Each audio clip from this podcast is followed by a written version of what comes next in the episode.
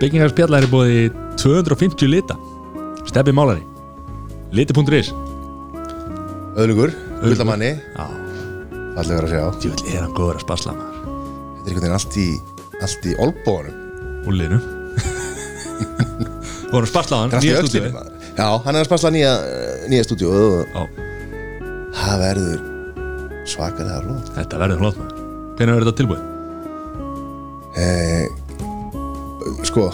Fólk getur fylgst með þessu sko, inn á Instagraminu. Já, en þú veist alveg hvernig yðnað menn og framkvæmdir eru sko. Það er alltaf einhver verkáallur og eitthvað Þetta á að að opna eða taka í gagni einhver tíman En það stendst aldrei. Hefur vitað um framkvæmd sem að stendst tíma allir uh, Podcastuðin, það verður undan á allun Þetta verður með svo góða innað menn Já, það er reyndari hárið 250 litir. Steppi málari, liti.is Já, Hann gerir verðtilbóð Bara allt sem að málari já, ef þið er í einhverjum gýr eftir COVID þá ringið hann og hann getur málað bæðin rauða með honum. Vá. Þetta var eitthvað svo líðilega Þetta er gamall og góður. Já, hann gekk það Er ekki góður bara Herru, Fannar Sveinsson. Gjörðu svo vel. Indró. Maður kynntist óslega mikið á, á, á flottu fólki fólki sem er hérna heima að vinna við þetta. Og eina hérna selfie Já, þannig að tengslanetið strax varð ótrúlega gott fekk bara tvö ár til þess að bara skapa og, og gera það sem ég elska. Svo bara strax eftir nám fór ég að vinna við kvikmyndagerð og hef verið að gera það síðan. Þannig að bara að ákveða snemma hvað mér langaði að gera það er það sem kvikmyndaskólinn svolítið gaf mér Kvikmynd að gera það maður Þið eru búin að klippa eitthvað saman. Nú fer ég bara, nú fer ég að gráta sko. Ég er að stela auglýsingu frá kvikmyndaskóla Íslands. En samt, þið lögðu það á ykkur þannig Að að sjálfsögðu. Þetta var, fallegt. Velkomin. Já, takk fyrir það. Hefur alltaf verið svona skemmtilegur? Ég man eftir sko 15 ára í Marokko Já, Það varstu hérna, Gasbrandi byrju, Marako Já. Nú erum við búin að tala saman í klukkutíma og þú ákveður að minnast Við erum búin að fara yfir alla vinuhópa og allt eftir hérna, allt núna Ég man eftir þér í Marako Við erum með fullt af, sko, fullt af Nei, sko, í Já, það er búið að Ég undirbúa ráð fyrir Nú er því. Nú er ég að Hvað?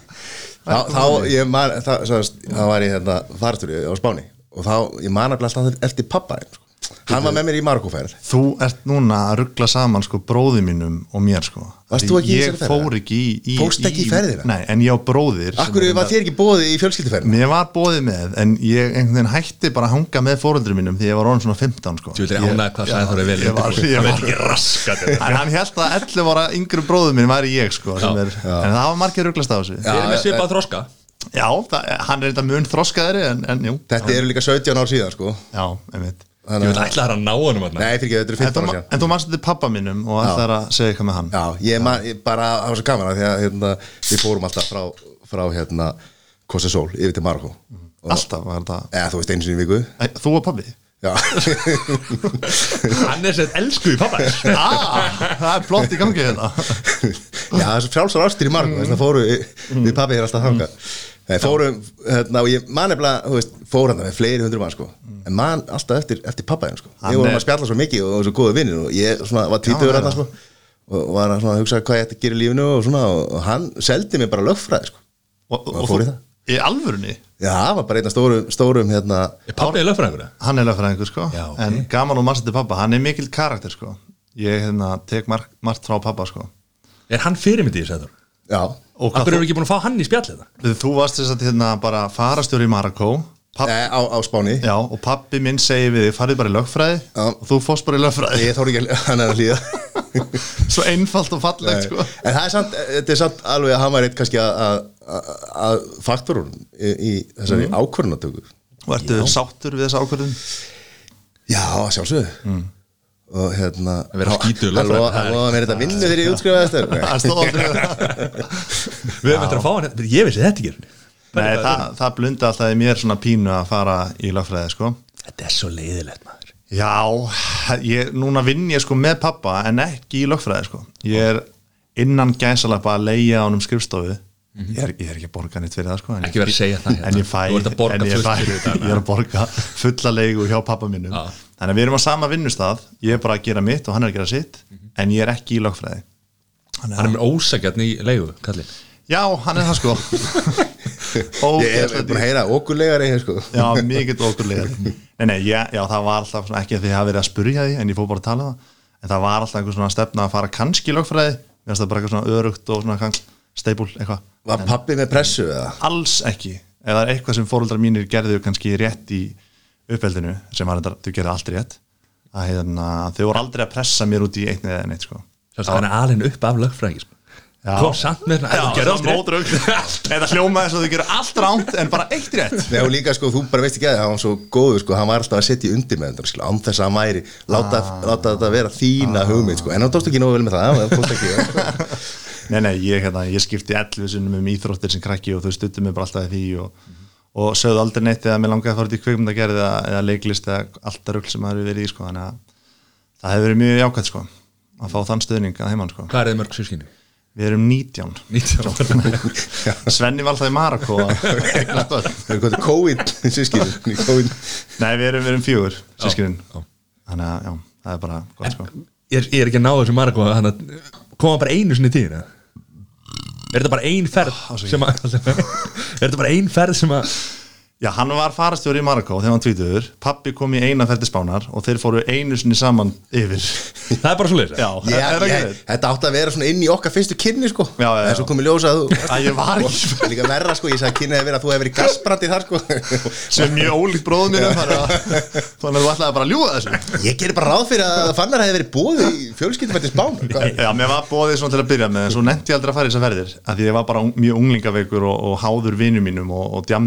í að ég að var bara að einhvern veginn þau hætti að bjóða mér sko. Það er satt Með að sko. nenni ekki að fara til spánar og Já, þetta var bara einhvern veginn þannig, maður var 15, 16, 17 eitthvað, annarkvæmt að fara með til spánar eða vera með öllum vinum sínum heima. Einn heima. Einn heima, geta haldið partí eitthvað. Í tvær vikur. Í tvær vikur þannig ég var bara svona, hmm, kostaði velja ekki það að ég hafi ekki vilja að vera með fóruldri mínum skilur, maður bara sem aldrei sko. Þetta kemur í lífi allra, kemur tíðanbíla sem að þú vilt ekki vera Já. sem kemur síðan tilbaka ja, algjörlega, já það komið stert núna tilbaka, sérstaklega eftir egnaði spött sko. það er duglega að láta þau passa og þess svo fyrir ekki ég hittu það alltaf þegar ég skila bönnum sko og sækið sko. Nei, ég, þessi unglingaveikir annað mér kannski svona því ég var nálgast 25 eða eitthvað Það var gott að geta farið aftur pappa og leiða honum. Já, það var rosa fínt sko. Fór að gera það því ég var svona sjálfstæður. Ég var að vinna á Rúfi í fjögur ár og var þar með starfs, starfs aðstöðu Svo vantaði mér bara eitthvað stað þannig að pappi bara bauð mér að vera með skrifstofu sem var ekki útlegu og hérna, ég er þar núna sko Ertu ekki að nota hann í einhver efni í kvikmynda Fær hann ekkit að Jú, hann hefur fengið hlutverk gegnum tíðina einhverjum sketsa þáttum og eitthvað svona. Svo leka, eða leka ekki, hann var pappi minn í seríu sem gerir fyrir Rúf sem heit Hásetar, þá var hann í svona lítill röllu þar sko. Það er leikar í pappa sko. Hann hann er líka lögfræðingur. Hann er Verða að lögfræðingur, vera le- hann verður að vera góð að leika en hann, hann elskar allt svona sko. Þannig að hann hefur alveg gaman að því sem ég er að gera og er svona dölur að fylgjast með og svona.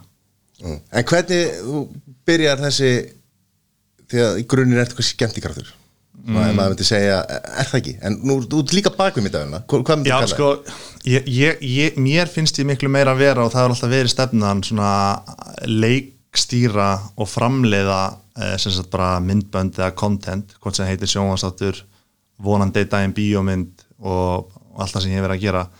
Þannig svona minn styrkleiki og það sem ég hef alltaf verið að elta er þessi leikstjóra vinna og að framleiða miklu frekar en að vera skemmtikraftur eða andlit í sjónvastætti það er einhvern veginn bara fylgdi því sem ég var að gera. Þannig að Svo ertu bara svo myndalegur að það er fyrir bara tróði fyrir að sko. Og svo ótrúlega skemmtilegur að bara- Þannig að það, var aldrei neitt sem ég var eitthvað svona endilega að sækja í þannig. Það bara svona gerðist einhvern veginn. Þú góðst bara með einhverju hugmyndir af einhverju þáttum og eitthvað og þá Já, bara, eða bara frá því ég var krakki þá var ég að gera stuttmyndir og, og hver á leiki stuttmyndinni? Ég skal bara leiki í henni og svo blundaði eitthvað í mér svona í mentaskóla að mögulega fara eitthvað að læra leikaran til þess að hafa einhvern grunn í leikstjórn e, setna mér sem var eitthvað svona fyrirmyndin var þá Balti, Balti lærði leikaran og fór svo í leikstjóran hann ég sá það sem eitthvað svona eitthvað vegferð. Sóttum í leiklistaskólanum og komst ekki áfram um sentimeter. Þau bara horfðu á mig og bara nei, viltu ekki bara fara að gera eitthvað annað? Flutt einhverja ræði, þá var ég morfís í verslu og hérna mjög skrítinn sko. Að sér að Já. Þú hefur frá að farið bak við hana. Já, farið bara og gera eitthvað, kliftu og græjaðu og eitthvað svona. Þannig já, það er svona það sem að mér finnst skemmtilegast það er að svona framlega mitt eigið efni, saman hvað heitir. Sjónvarsáttur, útastáttur uh, bíómynd leiknisjónvarsættir eða hvað sem er sko. Já, nú komum til svolítið sem heitir podcast það er þetta hérna. Já, einmitt. En, Já, ég hef alltaf ætlað að gera eitthvað með podcast því ég elska að tala og að það sem er mjög gaman að vera þetta hjá okkur. Mm. þið, þið þurftu ekkert mikið að samfæra mig. Nei, þannig að hérna einhvern veginn þegar ég var að vinna upp á RÚF 2016 þá, þá var ég búin að hérna, þá uh, pizzaði ég, hvað er íslensk orðið að pizza ég, ég, ég kynnti fyrir þeim hugmynd nákvæmlega. af svona long form hvað er íslensk orðið long form lang, langan viðtalsnátt ég veit ekki okkur ég er að fýða þetta á íslensku. Það er ennþá smá rúvar í mér. Það er fullandi rúar þegar var að vinna upp á rástöðu þá var alltaf að tala ennsku en þurfti að því það er á íslensku. Var eins og Lói Bergman að gera hana? Nákvæmlega, en hérna, já, svo bara einhvern veginn hef ég aldrei gert neitt með það, sko. Ég keipti svona borðið eins og verið með hérna, svona mixer fyrir svona árið síðan. Já. og ætla alltaf að hella mér út í eitthvað svona podcast að þetta er bara svo gaman. En svo bara einhvern veginn hefur lífið verið fyrir manni, sko. Það er nóg að gera í öðru og maður, maður regnast tvö börn í mildtíðinni og einhvern veginn hefur ekki komið sér í það, sko. Þetta maður eignast tvö börn á einu ári ja. Ég egnaðist tvö börn á einu ári Nei, það það liði tvö ára á milli Já, já, já, Strákur já, já. 2017 og svo stelpa 2019 Þú sagði að hann eignast tvö börn eftir að kemur þess að græði sko. Nei, ég er rugla að ruggla þessu öllu saman Ekki taka neitt markað sem ég segir sko. það, er, það er bara hannig Já, en byrjar þetta allt í hvernig varst í grunnskóla? Grunnskóla var ég rosa kannski svona kreatífur uh, hugmyndaríkur uh, alls ekki góður í íþróttum fótbolta og öllu þessu. Uh, sóttist kannski svona í svona síminarringja, þetta úrið. Þetta er úri þetta appulúri nýja. Já, ég er alltaf leiðin að fá mig Ef svona. að taka sér það Nei, e, já, hvað, já, mentaskóla, nei, hvað voru við, grunnskóla? Já. Í grunnskóla, já, Ekki góður í íþróttum. Nei, ekki góður í þáttum, ég var rosa svona vina kannski margur, heimilið okkar var alltaf bara þannig að það var alltaf opið fyrir vini til þess að koma og fara. Mamma gefti svona 15 bröðlef á dag, það var alltaf bara svona 10 strákar í heimsókn. Og ég spilaði mikið tölvuleiki sem krakki.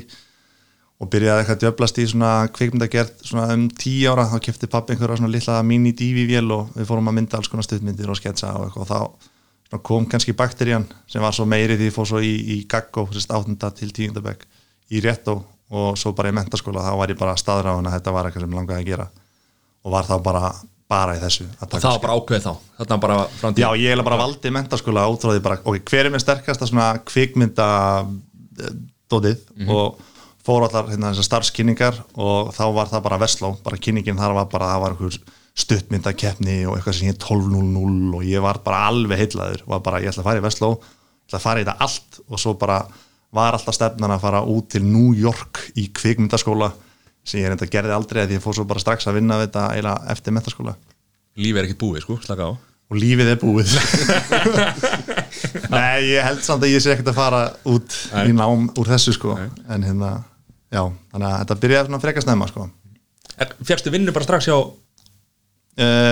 Nei, sko til að segja langa sögustutt þá hérna voru við, ég og vinni mínir að gera sketsa í, í Versló sem hér 12.0 og heitir ennþá þetta er bara svona deild innan skólan sem gerir sketsa.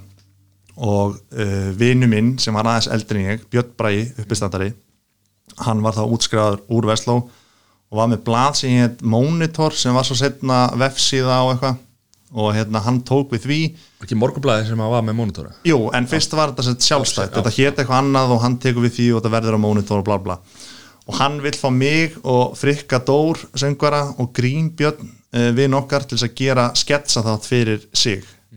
Og þá hétt eitthvað annað í monitor. Þannig að við bara segjum já gerum þess að sketsa þetta og svo kaupir mokkin sagt, monitor og við einhvern veginn fylgjum bara með inn í það dæmi allt gerum einhverja 20 sketsa þetta og svo viljaði bara meira en e, Frikki eh, vildi ekki gera meira. Þá var hann farin út í tónlistina. Grímur vinnu minn flutti á til hérna, San Francisco. En mig langi alltaf að gera meira. Þetta var bara sem ég elskaði. Þannig ég einhvern veginn fór bara að vinna upp á mokka við að klippa og fór að skjóta fréttir fyrir þau og, og fá hugmyndir af þáttum. Og við gerum þætti eins og Nilli eða munið til því og, og hérna Ástís Rán var með einhver þátt og nei það var bara einslag og Vala Grand og ég eldi animist á heimsleikana í CrossFit og, og meðfram þessu var ég líka í, í kvikmyndaskólanum. Og svo bara eftir ég klára hann að þá vilja þau fastraða mig upp á mokka en mig langaði að fara í eitthvað um, annað með þessu þannig að ég skráði mig í ennsku í háskólanum til þess að byggja upp eitthvað feril fyrir það að fara þá út í kvikmyndanám til hérna New York. a, New York. Að því að námið hérna heima var ekki nóg til þess að fara beint út í nám erlendis. En svo hérna þegar það einhvern veginn er að gerast ég er auðvitað að ruggla einhverjum dagsendingum saman að þá sagt, uh, Benny sem var svo með mér í hraðfyrstum uh, ég fekk sagt, þessa hugmynd að gera stuttan frétta þátt það sem að grínið væri bara viðtal búið bless og bara ef við myndum ímynda okkur bara fréttinar á stöðu 2 nema það væri bara þrjár mínútur og allt væri bara geðveikt rætt. Og honum fannst það bara geðst niður svo sátum við á þessari hugmynd eins og menn ger oft í kannski hálft árið eitthvað vorum alltaf leiðin að gera þetta leiðin að gera þetta. Svo eitt kvöldi vorum við bara, heyrðu, gerum þetta bara. Fórum um mokka, ég var að vinna þar og við bara innan gæsalega skriðum fyrsta hraðfrétta þáttinn bara veist, hvernig maður fá í hann og eitthvað svona. Og, og Benni hafði verið í Vestló, við vorum saman í Vestló hann hefði verið að gera svona frétta grín sem var eitthvað skets í 12.0 mm. hann var svolítið að herma eftir Sigmundi Erni og var að leika eitthvað svona angur og mér varst það bara svo fyndið. Þannig að það er við rættum aldrei, Benni bara var bara tilvalin í það hlutverk og þess að ég var sterkari fyrir aftanmyndaðalina og svona leikstýra og klippa og svona þá bara myndaði ég Benna leika innan gesalapa þennan karakter. Og svo voru eitthvað, hver á þá að já, ég, ég verð þá bara hitt, ég skal bara gæna á vettvagnum, þannig að ég gerði það og hann myndaði mig ég myndaði hann og svo bara kliftu þetta saman, letum engan upp á mokka vita og svo ringdi ég minni yfir mann og var ekki að það þáttur hérna í hérna innra kerfinu, viltu setja hann í loftið? Og hann sá þetta og bara, hvenar gerðir þú þetta? eitthvað, í gær. Ok, já, getum við alveg sett í loftið. Og svo fór þetta í loftið og við gerðum einhverja, ég man ekki tíu þættið eitthvað. Og svo ringdi ringdi Rúf þegar þetta var búið og, og, og bauð okkur að koma yfir í Kastljós. Geggja sko. Er það að sopna úr leiðin? við erum bara, ég er bara dálfæð þetta, þú veist, bara frangamenda og bara gleðin og, og hugmyndin og, og þetta, þetta bara steinliggur sko. Já, þið gerðu hérna margt skemmtilegt, kannski sem að var kannski svona versta og þá er ég meira sko svona, ílska ekki, ekki, ekki hins veginn sko. Nei, það var hérna geggja út af sefni. Þið er alveg það. Þú sagðir útvarp, þetta er podcast. Já, þetta Ég man þetta þetta tóku við bríðan í og hann dettur. Já, hann er nefnilega með einhvern sjúdóm sko Já. í alvörunin sko. Hún er bregður bara þegar hann ristar brauð heimi á sig sko og brauðið kemur upp úr vélum og hann, hann veit að, þú veist, það er ekki svo að þetta sé óvænt sko. Nei, það, það var svona þú veist, allir viss af öllu í hraðfritum skilur þetta var leikið skilur ha, innan gæslafi Já. þetta var, já, þú vissir það Nei, Jó, þetta grínast það. En 95% af öllum viðtölum öllu var leikið. Þú veist, til þess að fá fólk með lið þá þurftur að þetta fá þetta. það með en við reyndum að fela þetta allan tíman og við vorum að gera þættina til þess að búa til einhver svona magic. En bara, þú veist, ef þú þarf að fá fósættisráður einhvern skets, þá ætla að vera að láta hann vita hvað það var að gera, en svo stundum gekk maður aðeins lengra í tökunni, skilur já, já. þannig að, en hvernig, hérna, alvöru skellur. Já. Það er skellur. Af því að fólk hefur Þetta er mismæri skoðanir á Brynjari. Var, var hann alltaf til eins og, er var hann til í svona glens og Já. er hann ekki alltaf til í glens og gaman eða? sko, mín reynsla hafandi unnið núna í fjölmiðlum bráðum í tíu árengnin að það eru flestir til í allt. Og fólk hefur ósa sterkar skoðanir á pólitíkusum og bara fólki almennt. En flestir eru bara og langflestir eru bara óksla næs og skemmtilegir. Þannig að en ég náttúrulega hitti fólk alltaf undir þeim fórmerkjum að við vorum að gera grín. Ég var ekkert að tala við fólk í einhverjum alvarlegum samtölum sko, kannski að þannig segja að- að. Simon Davi hérna í, í, í Nei, nei, nei, Britsmálinu og en svo eins og Brynjar sko, hann hefur svo gaman að lífuna hann segist alltaf sjálfur vera fórmaður fílubókafélagsins sko. Mhm. og, og, og þú veist, gaman talar alltaf um sig sem bara gamla leðilega kall sko. Já, en svo er hann svona hnittin og fyndin sko. Þegar hann er að, er að gera grín sko og er, að, er svona í þannig stemningu sko. Já, mikill humoristur sko. þannig að ég man ekki, ég held að við höfum nú gert eitthvað meira með honum en þennan, þennan skett sko. þannig að, já, hann er bara mjög skemmtilegur sko. en var einhver erfiður? Svona, þú veist, sem Sko, að var já, erfitt að það, þetta var náttúrulega svolítið erfitt fyrst sko, þegar við vorum að byrja þá náttúrulega vissi enginn hvað hraðfréttir voru. Og fyrsti gestur í fyrsta þætti var Jakob hérna, stöðmaður hérna. Frímann. Eh, Frímann, já, sorry. Hann er alltaf Og- frí, hann er maður skilur ekki. Og hann náttúrulega vissi ekkert hvað vorum að gera en hann mætti í fyrsta þátt og skildi ekkert konseptið. Og kannski eini gesturinn sem svona fattaði ekki neitt hvað að gerast var Ástór Magnússon. Hann held sko, þá var sett fórseta hennar kostningar og við bókuðum hann í viðtal í hraðfréttur upp á mokka og hann held sko að hann var að mæta bara í viðtalstátt um fórsetakostningarnar ah. nema Benny var náttúrulega bara í sínum karakter og ég var samt búin að útskýra fyrir honum cirka hvernig það væri. Mm -hmm. en svo þau byrjuðum að taka og Benny fór bara að djókja honum þá bara algjörlega styrlaðast hann sko. Og bara gekk á dyr, bara stóð upp og rauk út og ég og eftir honum bara ást á fyrirgæðu þetta er grínþáttur, ég held að það er húmor fyrir þessu bara afsakaði, afsakaði, afsakaði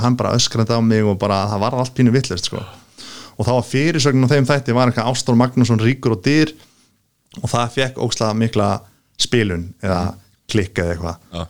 Þannig það svona ítti þættinum aðeins lengra og þá fóru úr eitthvað 2000 views á hvert þátt upp í 10.000 og svo þau vorum að klára upp á mokka þá var þetta komið upp í bara eitthvað 30-40 þúsund sko. Þannig við þurfum að hafa Ástum Magnús til okkar. Já, það er að fá hann í viðtala og láta hann rjúka á dyr sko.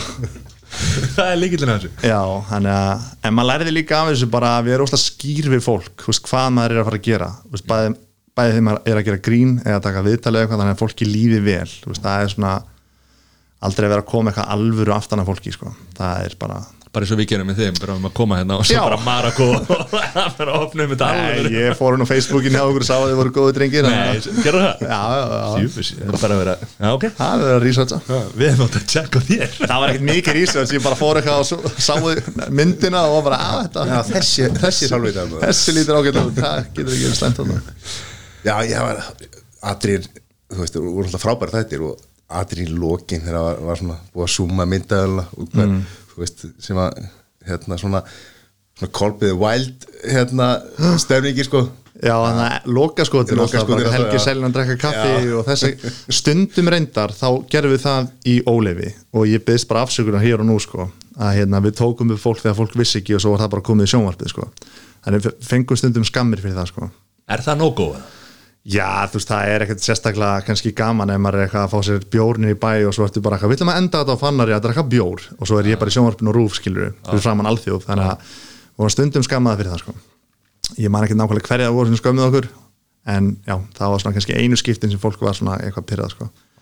En svo held hann að fólk þetta væri alvöru þannig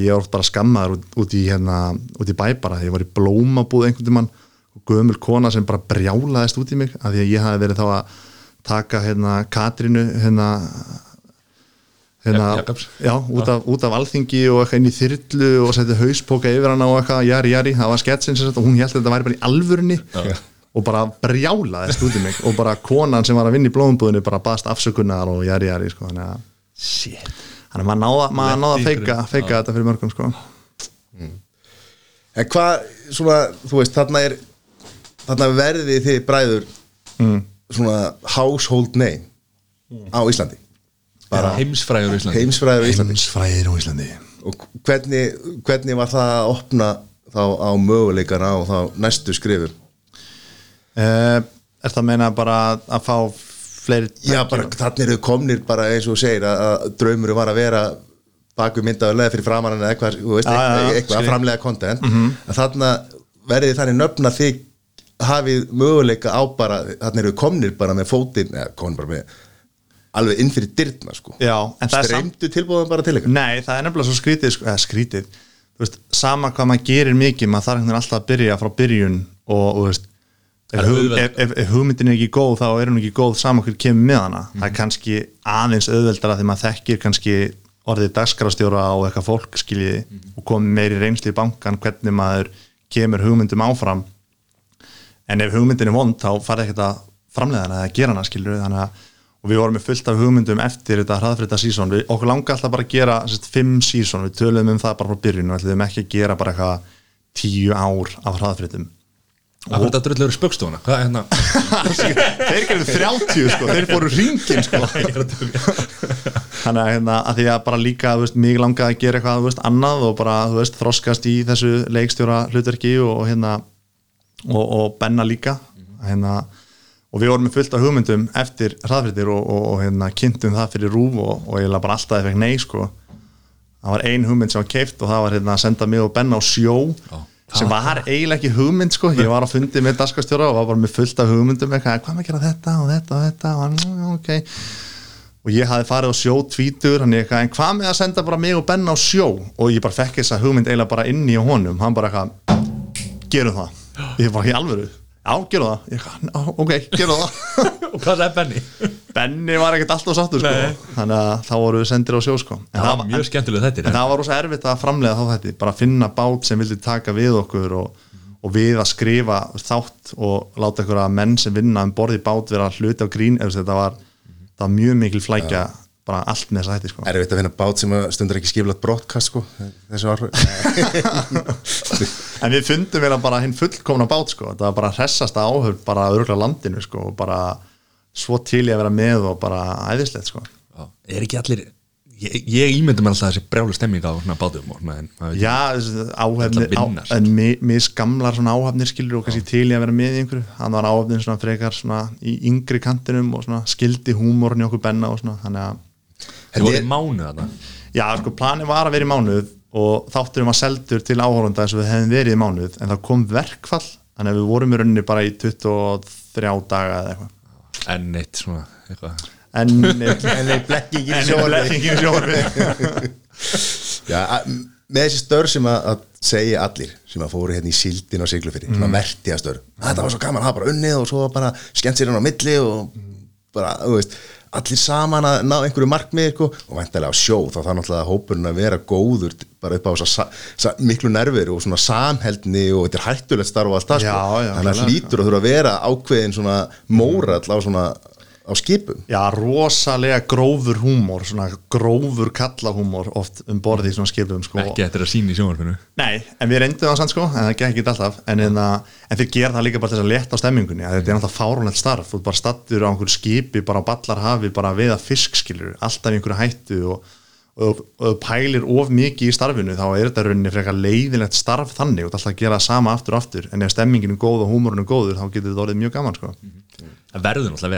en þetta Já, bara sjálfsögðu sko Svo ertu að vinna kannski, hvað er þetta ekki þeir vinna Shit. 8, 8, 8, 8 Já, bara já. all, alltaf Já, þannig að veist, svo það ertu bara að vinna 8 tíma Svo sefur bara í 8 tíma eða eitthvað Svo vinnur 8 tíma Já, og svo, já. svo borðar og gerir eitthvað í 8 tíma Og svo ertu að taka strax vakt aftur sko. Þetta er alveg já, ég, þú veist, þegar ég fór að sjó tvítugur sko, þá var, þá minnum að það hafi verið 12-12 sko Já, já, nú er ég að ruggla, einhver sjómaður brjálaðar sem að lusta á þetta Já. En vaktirna voru alltaf aðeins lengri og þar var, veist, stemmingin ekki eins og þegar ég fór svo að gera sjómasáttin sko.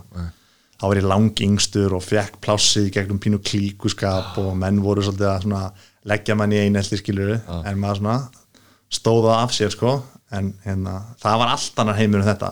Og eiginlega þá, þá fekk ég svona hugmynd kannski að hérna, og kannski var það í undirmeðundin að gera eitthvað með þetta og þess vegna fekk ég þessa hugmynd með, með hérna, skarpaði bara úr þegar ég pizzaði svo á hann. -hmm. að þetta er bara svo áhugaverður heimur þessi sjómennska.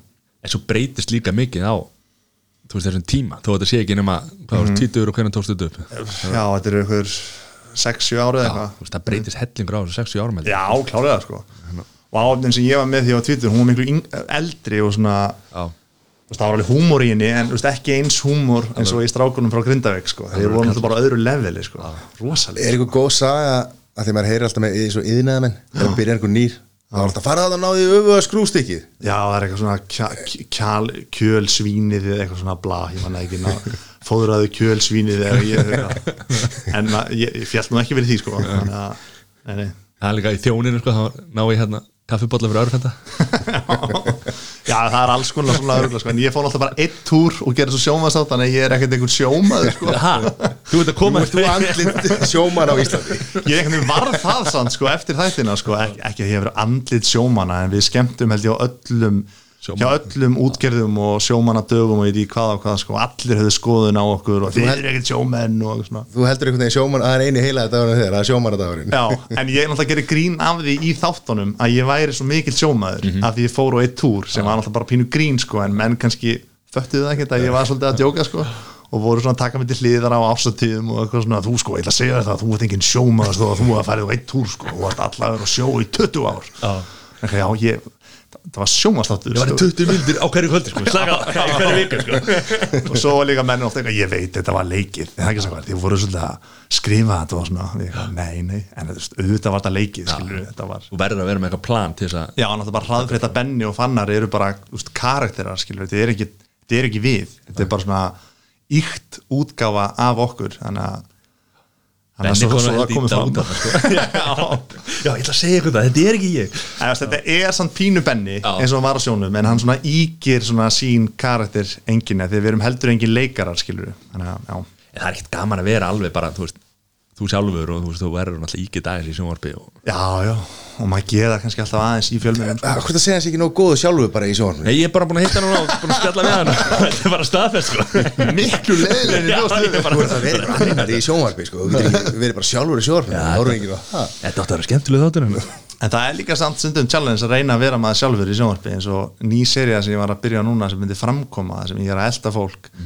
Þar langaði mig bara svolítið að vera bara alveg ég sjálfur þú veist, í þættinum og bara taka veist, einlög viðtöl við fólk og svona. Þannig að Hefur það tekist það í, Já, það tókst, ég meina Jóhannes Ökur fór nú að gráta Já, hjá já, okkur við ætlaðum að ræða það. hérna, En þú ert náttúrulega, þetta er önnu serja núna. Já, önnur seria Fyrri serjan Já. það, er, hérna, þetta er, Ég er bara búin að horfa á þess að þetta Já, ok, ok, og ég get, ég get sagt að ég er búin að horfa á hérna, þessa þetta allan Ég horfði ekki allar hraðfyrir þetta Nei, það var líka mjög sikk, þú vorst á allar Já, en þú veist, ég er bara, ég er svo lítill rúmaður Ég Já, að já, já, það. Ég reyna að horfa sem minnst á það. Ok. En hérna, horfum mikið á stötu En hérna, Takk fyrir. uh, byrja áður fyrir mig framkomu Já. munurinn á rúf, skjánum og, og hérna, stöðtu, nú er búin að vinna fyrir alla. Og gera þætti fyrir síman já, einmitt að segja munin Já, bara, hvern, hvað, hvað finnst þér hvernig, hvernig finnst þér munurinn á er, Þetta er náttúrulega rosalega ólík eh, hérna, náttúrulega, hérna, símin sem maður segir út skjáreit símin, já, Já. símin sem var gamli skjáreit, símin og stöðtöfu er náttúrulega símin það er fjarskipta fyrirtæki líka Mhm. og náttúrulega engareikin og svo rú náttúrulega bara hérna, fyrirtæki í eigu ríkisins. Já, ok vissuðu það? Og hérna, já, mjög ólík ólíki staðir. Mhm. en náttúrulega ég kannski hef unnið mest á rúf svona innanhús, ég hef ekkert mikið unnið innanhús upp á stöðu 2 eða hjá símanum. Þetta er bara þættir sem að þið gerið og, og já, sem ég framleiði utanhús og svo kannski kemur maður aðeins upp á stöðu og kynir þetta og eitthvað svona. Þannig að Það best afsökunar á þessu spurningu, þetta var umöndari spurningu Nei, það var góð spurning. Nei, Jú, ég fýla það. Þannig að, þannig að já, munurinn er þar framkoma. Fyrst, fyrst, fyrsta serið að framkoma. Það, er hérna, þetta, Ég tek, klippið þetta Nei, þetta er er ekkert klippið nú Þetta er mjög gott, sko. hérna, Það er mikill- það er mikill munur á stöðunum. Já, takk fyrir þetta. Fyrsta er ekki sömur ásinni sko. Nei, það er, það er umlega góð. Byrjum þar. Er er er Herðu, hérna, Já. Í framkomu, mér finnst það geggja þettir Já, takk, takk og þetta er svona, þetta er hluti Jón Ásall einhvern veginn svona, Já, og þú veist, ertu með eitthvað fyrirmyndir í þess að tækn, veist, hvernig viðtalstækni notar? Uh, eins og ég sagði, mér langaði bara svolítið að vera bara ég sjálfur og þú veist, fá fólk sem ég hef veist, alvöru áhuga á og kynnast í og af hverju það er að gera sem ég er að gera og bara svona pínu kafa skilur og fylgja þeim eftir. Þannig að það einhvern veginn bara svona var leiðarvísin að þessari tækni, ef svo maður orða það. Að bara vera einlegaður vera maður sjálfur og bara hafa áhuga á viðmælandunum og hlusta og veist, fylgja því eftir með einhverju og svona.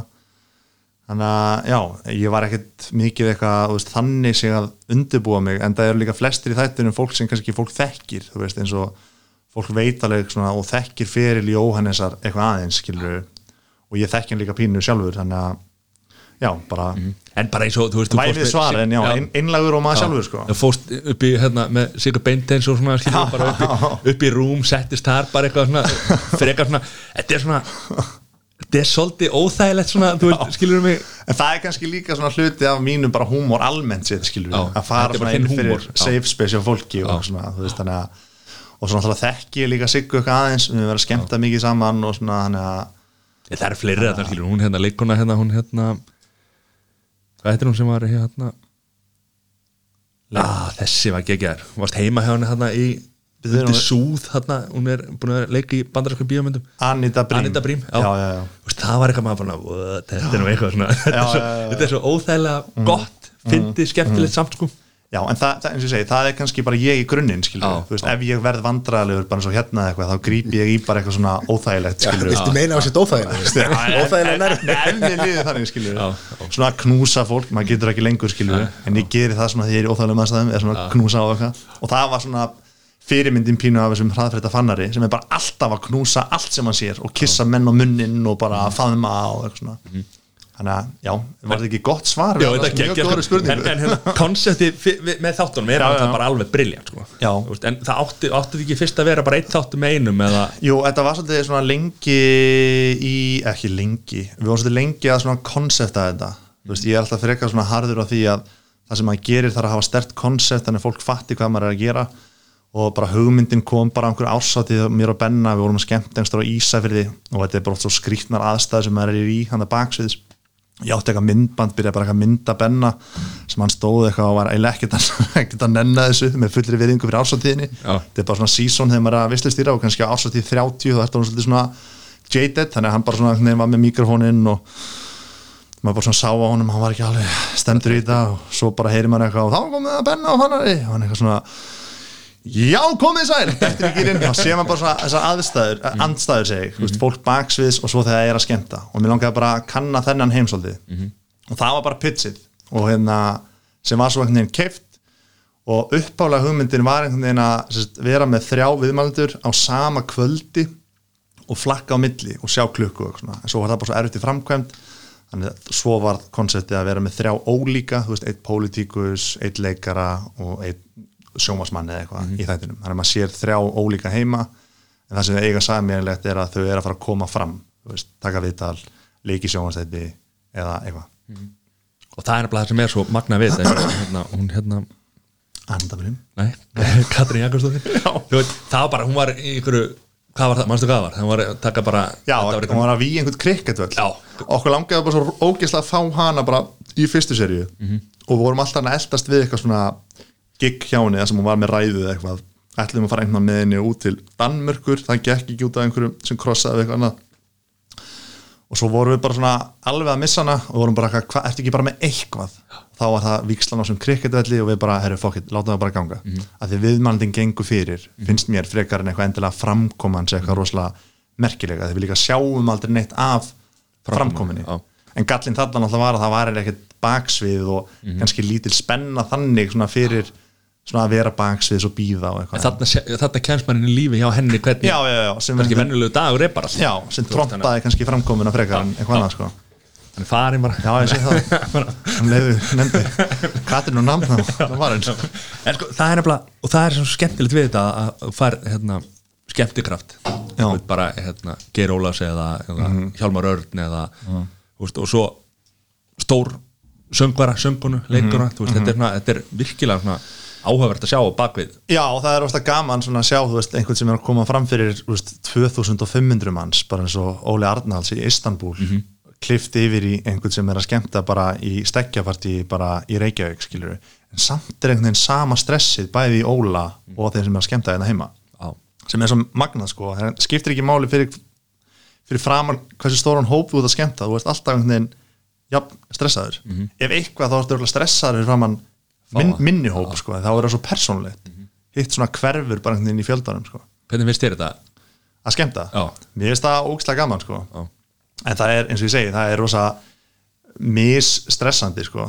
þú veist svona fjö, stærstu ásáttíðnar og skemmtarinnar eru yfirleitt svona auðveldastar þannig að því Já, það er verða svo eða, auðveldastar upp á þetta stress og svona því það er svo ópersónlegt það er bara svo margir í salnum og einhvern veginn Það er kannski fleiri atriði veist, sem að vera að kynna einhver, einhver Já. atriði sko, en svo Já. þú, ef þú ert að vera bara með ef það er enginn sem kemur og þú ert bara að vera veistlu stýra það því, sko, hefur náttúrulega- marg oft gerst sko.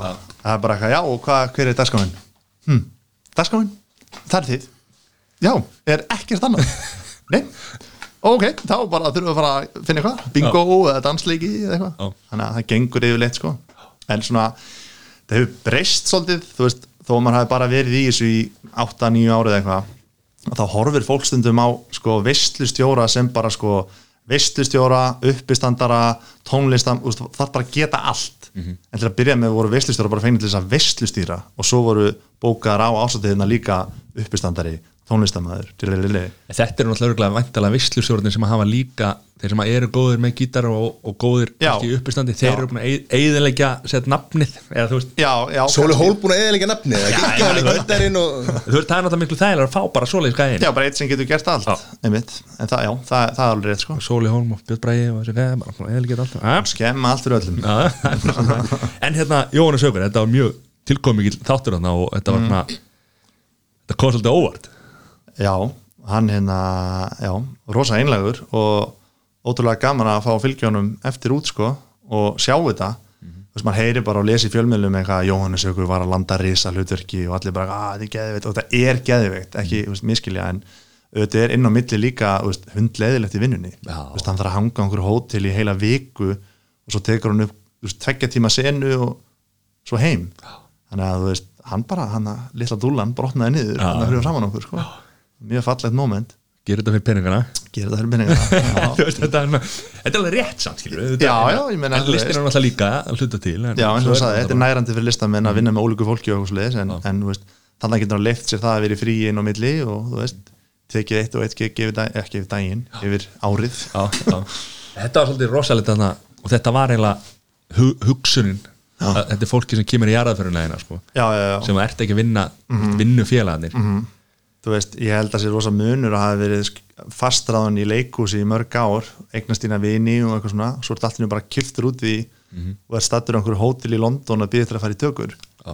og við vorum með þess að með honum núna þú veist, yfirleitt er hann bara e- yfirleitt alltaf er hann veist, bara einn. Þannig að en svo segja sem mér að segja erfitt að vorkinunum að þannig að gera svo góða hluti en Já, þú veist, já.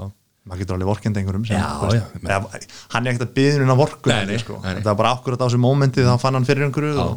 sko. það fór að það. hugsa tilbaka á en það er þetta sem maður vil fá frá viðmaldum í þessum þetta, Mhm. þetta mannlega en líka fyndið, skilur, það þarf að vera grátið og sko. það gert hjá þér sko. þetta er eins og, hvað er ekki mýmið hann að þegar hann fór að gráta hann það er eitthvað mýmið gangi sem hann þú eðilaður já það er það sem er gaman við og hvað er hérna, hverjur eru framtíða, mannstu það eitthvað? Það er svo oft fyrir að spyrja með þessu núna og hverjir eru í seríunni? Og ég bara, já, þau eru sett 15 já, þetta Ná, var ætliðum að gera sett 8 þætti, við gerum 6 seinast áttum að gera 8 núna. Stötu vildi bæta þau tveimur viðbót. En svo kom eitthvað vesin hana, þið munið þennan, má ekki faðmast og að afbóka allt og eitthvað. Og þú tekur ekki upp nema að fara að faða með einhvern og Já, einmitt, þannig að hérna, við gátum ekki fyllt seríunni alveg eftir, þannig að við þurfum að fylla í ymsum leiðum Já. sem við náðum endanum, við áttum að fara til Kanada og til Ameríku og Danmörkur og alltaf fólk en eigum það bara inni fyrir næstu seríu.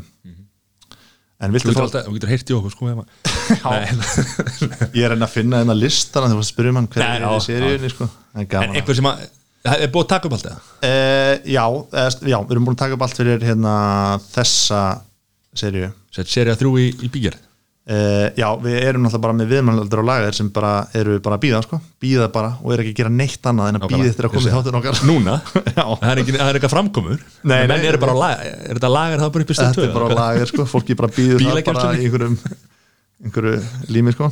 Við erum með hérna, ég er hérna með lista já, já, Þögn í podcasti er vannmetið sko. Já, ég veit það. Það er bara máli Ekki stressast þegar það kemur þögn ég er sko. Aldrei þóli ég ekki þegar sem ég segja að það var að klippa út þagnir og hik og eitthvað svona, það er ekki Nei, það er bara mannlegt að já, hafa þetta í svona það er, það er hluti af. Flestir eru bara eitthvað að hlusta á þetta og elda eða keira og eitthvað. Vil segja enginn, hvað það var þögn! Já. Það var þögn á það, þú veit var þetta óþægilegt? Sumir eða þú spyrir okkur svo þá eru- vinur okkar vilja bara hafa þögn í þessu þættir. Já, bara geggjað. þannig að við séum ekki tala. Já, já, bara út að sáttur um þögn, segjum ekki neitt. Þetta er podcast þáttur Já, útvar podcast, eitthvað. Fólk skilur hvað við. Geir Ólafsson, Eivur Pálsdóttir Dísela Lár, Hjálmar Snappari Jóhannes Haukur, Ari Eldjátt, Elma Stefania Selma Björnsdóttir, Edda Björgvind Dagur B. Egerts, Alda Karin Konráð Hestamæður Sigmundur Ernir, Sindri Sindarsson og Víðir Reynis já, og svo hérna eru við með náttúrulega fólk sem átt að vera í sísoninu líka og veist, er lausbókað. Það er hérna Páll Óskar of Monsters, Hildur Guðnadóttir Sigmundur Davíð, Sölvi Tryggva, Guðjón Valur Sveppi, Sverri Bergmann, Hera Hilmar Glófi, Gísli Landanum Áskeitrösti, Ásleifarna, Gísli Martin og Sölvi Tryggva og eitthvað og fleiri.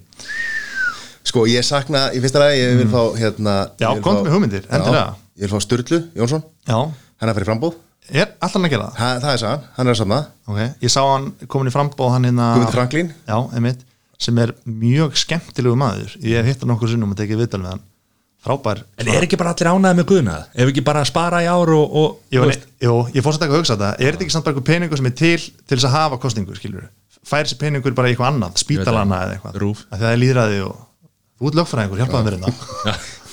Já, ég, Ég sko, það ekki. ég, það, þess vegna vil Það ég, ég ekki sultarleg semja við hjúgrunarfræðinga því að það er verið að fara að nota þessa peninga í fórsettakostningu Nei, ég meina, fólk má bjóða sér fram. Ég veit það, já. Sama Ég- þó að- ég og þess að það kostar að vera um líðræði Ég er að segja Það það, er bara- það er þannig. Ég var að hugsa þetta um daginn og hugsaði bara, herri, hvað rugglir þetta? Þá var enginn að vera að bjóða sér fram. En svo mm. sjálfsögði er náttúrulega líðræði og það mega, þú veist, ef við förum að Já, ef við erum að kötta skemma þetta núna Já, af því að við flestir eru ánægði með Guðna Já, já. Það er haldt í árið, skulum bara, við skulum ekkert vera að kjósa alþingi, til alþingis. Það er bara höfum Það er allir ánæði með þetta og svo dýrt að halda þetta og það fyrir bara í spítalana og það það er rétt. Það er rétt, við sannfærið þeir Þú snerist við hann Já, ég var búin að, snúast við Matti, hver er þinn óska viðmældi þannig? Hvar, að þessu? Já. Nei, ég er að segja, sko, þú veist, ef þú mætti velja á listan Já, ég fór bara Frábæri, þú veist, eitthvað sem að þú myndi fá að velja. Já, Mér langar að úksla maður í bætin í ánum hann fyrir að svara. Mér langar að fá hérna Björgól Tór Elta hann til hérna London. Sko. Bara follow the money, eða? Já, hann var með hann svo, svo bókaði hérna Steindan í þáttinni hjá sér sko. Og ég er náttúrulega bara að fá beinti gauks og bara hvernig gerur þetta, við eitthvað talaður tölum saman, ég verð að fá hann. Já. að þið minnst hann bara hafa svo áhuga að vera sögu. Þú veist, hann hefur ekkert mikið komið opinberlega fram og talað, hann er enda að skrifa þessa bókana eitthvað Money Back Rich eitthvað mm. -hmm. fyrir utan það, þá hefur maður ekkert mikið svona séð af honum sko, Sko, þannig að ég var til það Tatti fannar bara að reyna að komast á snekki í Karabíska sko Beckham sko og Ritchie og Þetta kampaðurinn, hvað er Beckham? Hvað er hérna?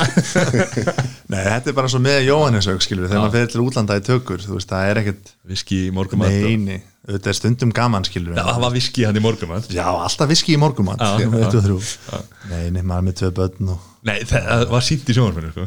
já, þetta meina þegar við sátum hann? Já, já, já, já ég held að þú var að djóka. Já, já, sjálfsögur, viski, viski það var hann á einhverju VIP treatmenti saga eitthvað, dótt eitthvað, gegja mm. en hérna, sko, viðmæld ég verð nú að besti sem ég hef hýrt, sko, er þegar hérna, aðdurminn okkar og hérna, auðvitað blöndal tók hann að Halldór Helgarsson.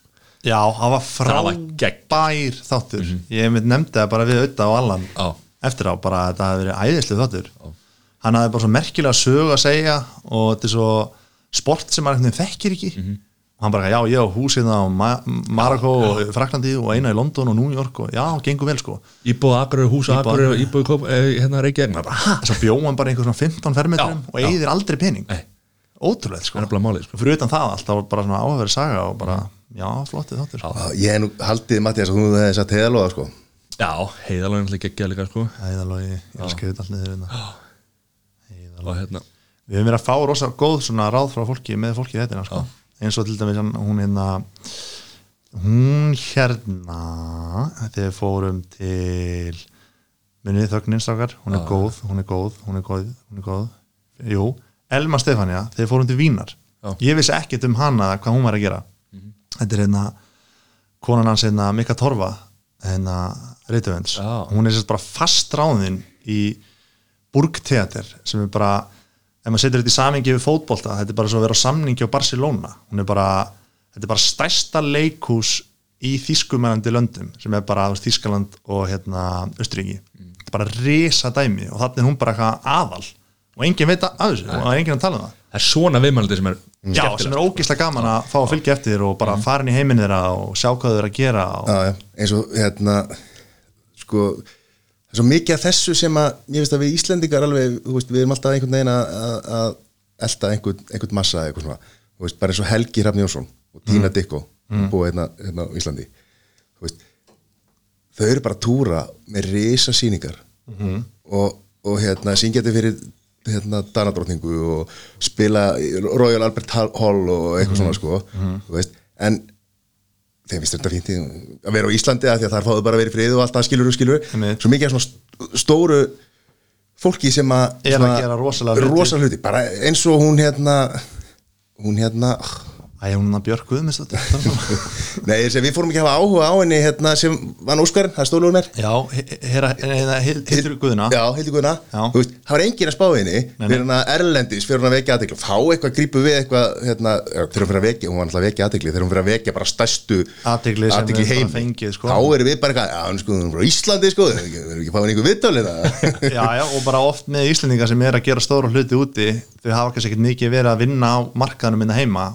þekkir þau ekkert við erum bara svo mikið að túra og erum að gera dótt erlendis.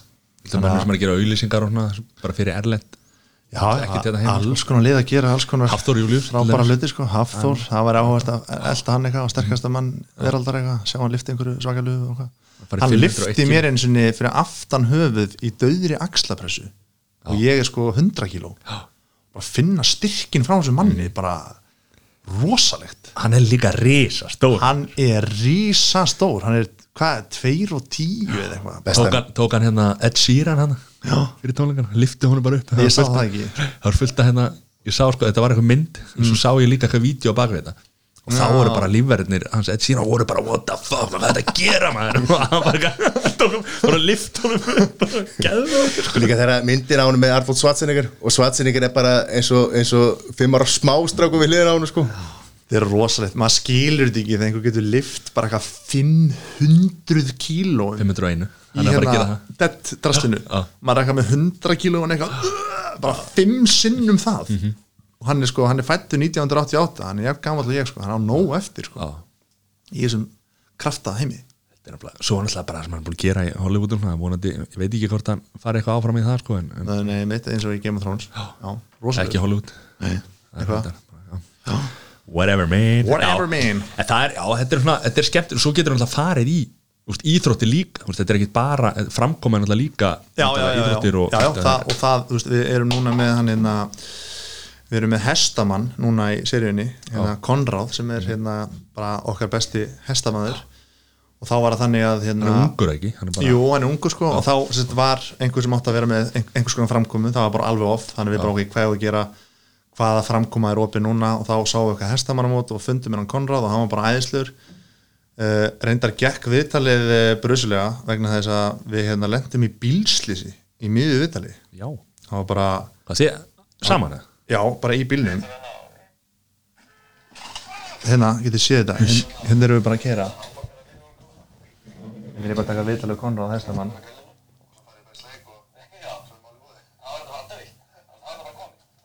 Og ég er ekki eftir Wow. Já, og bara bíllinn ónýtur og bara og við erum eitthvað svona, já, eigum að sína þetta í þættinum eða eitthvað, þú veist en þú veist, það slasaðist enginn alvarlega, sko. Við erum allir bara að díla við Engir hestar slösuðust við gerð þessa miðbás engir hestarslösust sem er sko hljóðmaðurinn sem satt liður á mér fyrsta sem hann saði bara, er lægi með hestin? ekkert að pæla í okkur strax með- að kerru, vorum með kerru aftan á sko. Vorum bara að keira í gegnum Selfoss. Kemur bara bíl beint fyrir okkur og við beint á hann. Og ég var bara miðið viðtalið bara eitthvað, þú veist, ekkert að pæla í hvað er fyrir fram að mig. Svo allir bara sprakk bílinn og ég skildi ekki neitt sko. En þú átti hann ekki að vera að keira sko Nei, hann var að kera var að, það var svolítið svakalegt sko. Og hann bara út úr bílnum og bara inn í næsta bíl og beint á mótið og bara kláraði þetta mót og já, hann var bara leiðin á móti Já, við bara beint upp á spítala bara, við vorum bara hakkaðir, bara bakið og, og hálsinn og allt rastlið bara í hakki sko. Og hann bara beint á mótið og bara kláraði mótið og eftir mót var hann ég held ég sé eitthvað pínu inn í bakinu. Já, þú varst líka lendi bílslýsi fyrir kortir já, og bara allt ónýtt, bara báði bílar ónýttir og bara þannig að Þessi maður er, er, sko, er algjör fjölnið Þorkis það er rosalegur. Hann myndi taka svona múl já, sko. hestamenn eru hörðustu menn landsinn sko. við bara, þetta var að drullu sjómenn núna aftur eða? Já, pinnur, nei, alls ekki.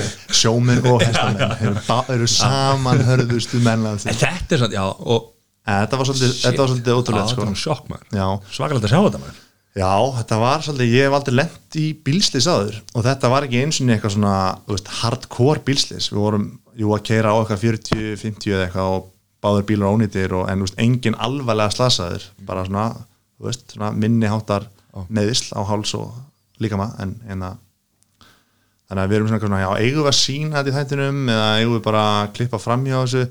En ef við sínum þetta ekki þá erum við ekki með neitt efni. Af hverju eigum við ekki að sína þetta? Eigum við ekki bara að sína þetta mm -hmm. Ef einhverju hefði slasast alvarlega þá hefði við ekki sínt þetta. Þannig að ég held við sínum þetta bara. Já, það er kerið þetta gang. Tala er ráðfyrir sem við einhvern lögfræðingana fyrst já, og hva, hvað þetta- segir þú, eigum við að sína þetta? Ég segi bara, við erum að nú erum að fara í eitthvað gott bótamál sko. Já, Ekki að tryggingafélagi notið þetta eitthvað gegn einhverju einhverju. Já. Nei, ég er bara fabilega sko En hérna, þetta, þetta er hrikalega vont að þetta gerðist. Mm. En svakalega saga baku þetta Og þetta er saga í þáttin já, er það sko algjörlega sko, maður bara hugsa sem klippari hvernig, þú veist, klippum maður þetta saman við eitthvað saming Nú fór ég að hugsa eins og eins og fann að vera að segja það sko Þetta, þetta er allt feik í sjónvarpinu sko. Já, ekki þetta. bara, Nei, ég meina, ég hef verið að sína fólki þetta, fólki bara, já, er, er þessu að leika þetta? Eitthvað, nei, ég lent, þetta er alvöru bílslið sko. Já. já, já, er þetta svona feik nei, þetta er bílslis, alvöru bílslis þannig að púðarnir kom út bara hann og þetta bara, bara rúður brotna og duft bara, út um allt og- einmitt, þannig að það er sko, heldur gerist nú einhvern veginn þegar þú varst að taka upp fyrir strákana í draumnum. Það var sveppi henni við Sveppi held ég búin að mæta í öll podcast á landinu og alla viðtalsæti að segja þessa sögu. Drullaði yfir þig. Drulla. og hann drullaði yfir mig í svona þrjá daga Nú verð ég að segja, sko, ég var, var nú í þessu vitali En ég man ekki hvað það var. nei, ok. Til að segja stuttasögu uh, hratt. Þá sérst voru við að mynda atriði í hérna, ég var, ég var kamerumæður í hérna asíska drömnum og hérna það var atriði þar sem sveppi lá á Já, já. og var með sushi-bita yfir sér. Nema við letum Pétur býða fyrir utan. Hann mátti ekki sjá neitt, hann vissi ekki hvað atrið var að fara gang. Þannig að viðburinn hans voru ógstað svona eðlileg. Bara, ó, þú ert með sushi-bita aður út allsber, ha ha, eitthvað og svo bara erum við að rúlla og bara erum búin að rúlla í klukkutíma og atriðið búið og það er bara alveg sushi-kokkur sem var fenginn til að búa til bitana og raða og sveppa og hann var bara nakin og bara hata þetta, langaði þess að komast af sushi-borðinu, skiljanlega. Og svo er ég bara að mynda og sé bara eitthvað batteri low og ég er ekkert þannig séð eitthvað vanur eða reyndur kamerumæður, ég kann alveg að mynda en þekki ekki svona alla svona mekanismana eitthvað þannig ég, mér, mér vantaði batteri, þannig hvað gerir maður, maður tekur batterið úr. Já. þannig ég bara tók batterið úr og bara Lulli producent og hérna sem sá seríuna horfið bara á mig, hvað varst að gera? Ég bara, það skiptum batteri og tókstu batterið úr án þess að taka af rekk ég eitthvað, já, rétt með batteri að þá sett seifast ekki fællin. Þannig að þetta var allt ónýtt. Að við þurfum að gera þetta allt aftur. Bruna niður í 10-11 í hana Tókjó eða eitthvað, kaupa bara tilbúna sushi-bita, gera þetta upp á nýtt og sveppi var brjálaður hann bara, ég dref þig, ég dref þig. Og ég einhvern veginn eitthvað inn í þessu seríu, þú veist, eitthvað með eitthvað kameru ó, þetta var svo það sko, það var hræðilegt sko. en maður hefur lendið alls konar svona. Pældi í þessu, þetta var miklu vera fyrir þig heldur fyrir sveppa, fyrir að vera nakin á þessu borði með einhvern kokk hérna og flugbeita hnífandalega Já, ég veit En maður, maður lendir oft í einhver svona dóti sko, einhvern mann var ég að taka upp hérna, þátt í LA ég var að mynda hérna fyrstu heimsleikana með Animist og til LA mætir hérna Marta Maria sem er með Smartlandið. Og ég var fengið til að gera einhver einslögu með henni út um alla LA, fórum að fullta stöðum og hún með alls konar viðmælandur og bara búin að gera fullta kontenti fyrir mokkan svo flýg ég heim og eitthvað, jari jari. Og stuttur setna, ég er með kameruna heima allan tíman, þá fyrir ég tökur með Gunnar á völlum eða sáu það einhvern og við erum að fara til Eyja og ég er bara með kameruna frá því LA með mér og bara gömlum vana þá bara fer ég eitthvað format delete, format delete format delete, format delete, format. Oh my god. Þá eitti ég allir í LA ferðinni út af kamerunni. Og því ég tók það samtalið mörtumari það var mjög erfitt sko. Bara mannstu við vorum í LA hérna fyrir, já, það, er, er ekki til. Ég er búin að, ég að eyða því öllu. Þannig að maður lendir í alls konar sko. Það er sárt sko. Þetta er vond sko. Sérstaklega þetta er ekki einhverja myndi fyrir þig persón Já, ég veit að hún er búin að fara út og græja viðmældur en, en á, á takkin ekki vera rauður það er nú komið upp í nokkur podcastöðum sko, að fólk gleyma ít á rekk sko. Já, já, bara upp á rúf það hefur verið tekin bara svona bara risa viðtöl við bara viðmældur sem er erfitt að fá og bara kannski skrift hann glimta ít á rekk, svo bara fer bara viðmældi að stað og bara lalalala, svo bara fatta skriftan bara sem er bara svona oh my god, það er ekki á rekk og það þarf að byrja aftur. Á ég að segja þetta, á ég ekki að segja þetta? Á ég, fuck, shit, Já, shit, já, já, já, já, já. Við, við, við lendum nú einu hnýði þá vorum við hérna þá var bara, einhverja fimm minútur eða eitthvað. Já, þá fatta ég þetta til fimm í já, Það er- góð alveg já tækning sko. það er með borður í rámaði og hérna uh, og þá byrjuðum við aftur sko. Það er Já. svo erfitt að byrja einhvern aftur, Ma, maður getur ekki farið í það sama. Nei, það er rosa óþægilegt samt reynir maður það Já, maður en, það, en, en sömu- maður, maður, maður upplýðar að meira sjálfur heldur en þeim sem er að hlusta eða horfa. Já, eins og með Sveppa og Pétur Jón með eitthvað authentic viðbyrðu okkar, við bara gerðum þetta aftur og það fattaði enginn, það er enginn eitthvað hmm, þeir að taka tökur tvö þeir léku það bara og það var bara allt í góðu, sko, hvernig var að ferðast með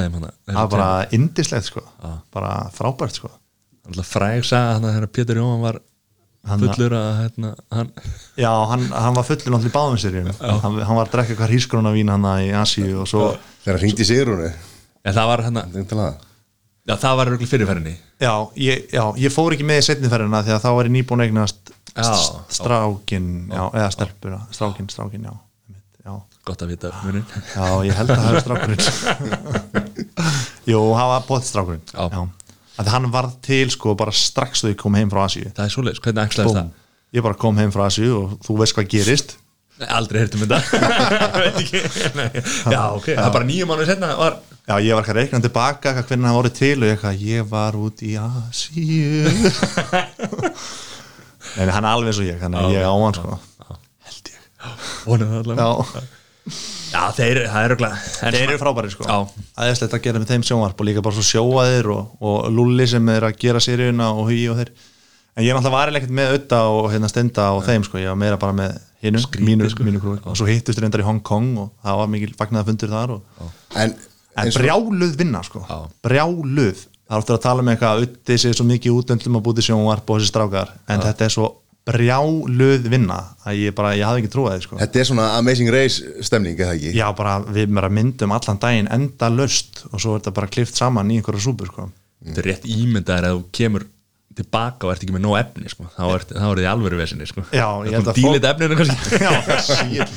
og það, er, að óþ- það var óþægilegast við þessa ferð að ég var ábyrgur fyrir að lóta af kamerónum inn á tölvu Já, ok. þannig þegar tökundarum var búinn og allir farnir upp á hótel, kannski að fá sér bjór og borða okkar, þá var ég bara á hótelherbyggi bara að lóta einhverjum kortum og bara taka annað kópi og vera alveg viss og bara og af gamallir einslu var ég bara sveittur í lófunum bara eitthvað. Og svo var þetta allt einhverju tösku og bakinn á mér gegnum daginn og einu sinni glimti ég töskun einhverstað og bara fuck, fuck, fuck, fann hann sem betur fyrir sko. Þannig að það er alveg vest sko. Þannig að ég reynir núna alltaf að vera laus við það að lóta öllu efni sko, ég vil bara eiginlega ekki svona vita af því sko, Já, bara einhver að gera þetta bara flott sko, ég vil ekki vita af því sko En þetta er þessi hluti að lífina því að fyrir þáttir hann voru að tala um ímislegt og meðal annars Joe Rogan og svona. Og maður heyrði eins og þættir Gunnar á völlum það er nefnilega oft Var hann í því að? sem að heyri sko maður, maður he- heyri svo oft fannar tökum að sko. Þá er eftir að tala við því skilur en maður sér þið ekki. Nei, nei, nei. þú ert Young Jamie sko svolítið ég var Young Jamie hjá Já. Gunnar sko. og upphóst mikil vinátt að ég og Gunnar erum perli vinnir í dag sko. það er bara, það er fengið hann í þennan við- verðið að fá hann var alltaf að vinna með þeirri brúið eða ekki jú, jú, hann var að vinna með mér hraðverðin með brúf Nei, já, var hann ekki síðan eitthvað Jú, við gerum, við gerum Gunnar á völlum upp á rúf líka. Já, fór, fór það síðan yfir að Eh, Gunnar á völlum byrjaði upp á Monka Já, byrjaði Já, það, var- það var undan hraðfritum Þannig að ég og Gunni gerum Gunnar á völlum Svo komar hraðfritir, svo fer ég með hraðfritir upp á rúf Og ég og Gunni gerum svo þessi Gunnar á völlum upp á rúf og Þá er Gunni komið aðra löppin inn á rúf Og svo fáum við Gunnar með okkur yfir í hraðfritir Þegar við gerum hraðfritir af 20 mínúna þætti Fórum gegn okkar eigin konsepti já. Við getum talað um það setna Og já, þannig kemst hann og við inn á rúf með hérna, þennan þátt. Hann er alveg styrn svo gerði Gunni sko einu sinni bara besta þátt sem hefur verið gerður sko. Það var hérna viðtalsátturinn Gunnar sem sko eiginlega dasgrastur í rúf vissi ekkert af því hann var bara í sumafríi Gunnar vantaði eitthvað að gera. Þannig hann stilti bara upp einhvern stólum niður í stúdíói og fekk bara einhverja gestir til sín. Þetta var svona pínu between two ferns stemming. Uh. Þátturinn enda alltaf á því að Gunni bara stóð upp og fór út og viðmældi sátu bara eitthvað og þetta var sko, no joke, bara eitt sumar bara alla föstu daga eftir kastljósi var þátturinn Gunnar.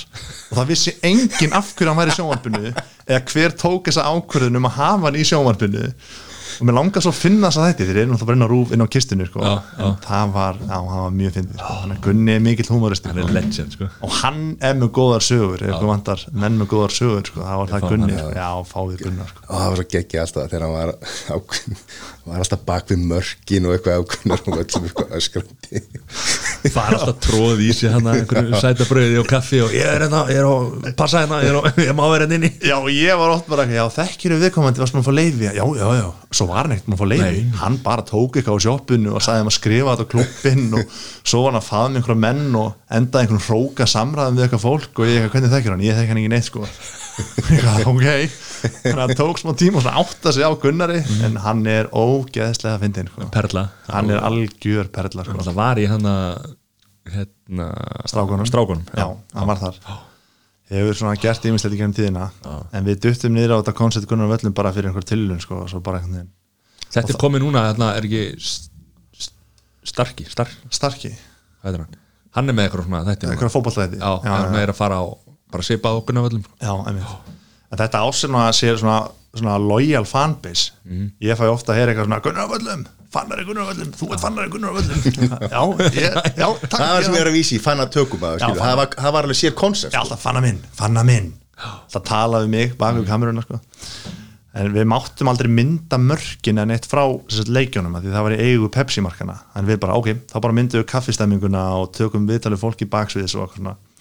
Þannig, þannig var það til sko. Hinn hin, hin, hin vinkillin á leiknum sko. það var alltaf alveg 100% Þetta svo var Gunni alveg rugglaður, vildi kannski fara bara þú veist, á Sauðakrók og tilbaka sama dag og til Ólafsvíkur fram og tilbaka sama dag og ég var bara eitthvað 23 það bara, já, gerum það bara. Þannig að já, hann var alveg alveg snar sko. hvað er ná skemmtilegasta verkefni sem við farið í? Svona, ég verð, ég náttúrulega verði eiginlega að segja hraðfrittir því það svona startaði svona einhvern veginn öllu hjá manni. Og þannig að já, verkefni eru er náttúrulega jafn ólíka og þau eru mörg sko, en, en svona já, kannski ekki svona fyrsta stóra verkefni voru, var hraðfrittir þannig að á, það er ná skemmtilegasta. Já, já, er eitthvað leðilegt eitthvað leðilegt verkefni. Já, já, já það hafa verið mörg leðileg sko. Eh, ekki kannski leðilega, mjög skemmtileg. Þannig að maður áttar sig líka bara á tíman, með tímanum hvað manni finnst gaman að gera og hvað ekki og fyrir að fókus á eitthvað eitt en annað. Eins og ég var rosa mikið að klippa í gamla dag og er alveg fýtt klippari. En svona með aldrinum þá svona er ég aðeins búin að missa áhugan að sitja fram hann klippitölvu heilu dagana. Þannig að svona það leiðilegast innan gæsalega finnst mér ákvörð núna, svo kannski breytist það það er að klippa sjónvarp. En það er líka bara svo erfitt að það er svo mikil tími sem fyrir það og þú getur gert bara alls konar og, og Benni til dæmis hann er að klippa framkomu og hafði ekkert þannig séð klift eitthvað mikið fyrir hann klifti það og bara, bara frábært hjá honum. hann er bara með einhvern talent í að klippa sko. Já, og svo náttúrulega hérna, verður hvað, hvenar kom vennilegt fólk? Það var í, í vetur Já, fyrsta serið var 2000 og já, á ár síðan eitthvað og sjáum við meira, meira því það Já, við erum að skrifa serið þrjú. Fyrir við tökur vonandi í júni kannski júli, ég er að vona ekki júli því þá er krakkin í sumafríi og ætlum að fara ekki út á land sko, þannig að það væri verra sko.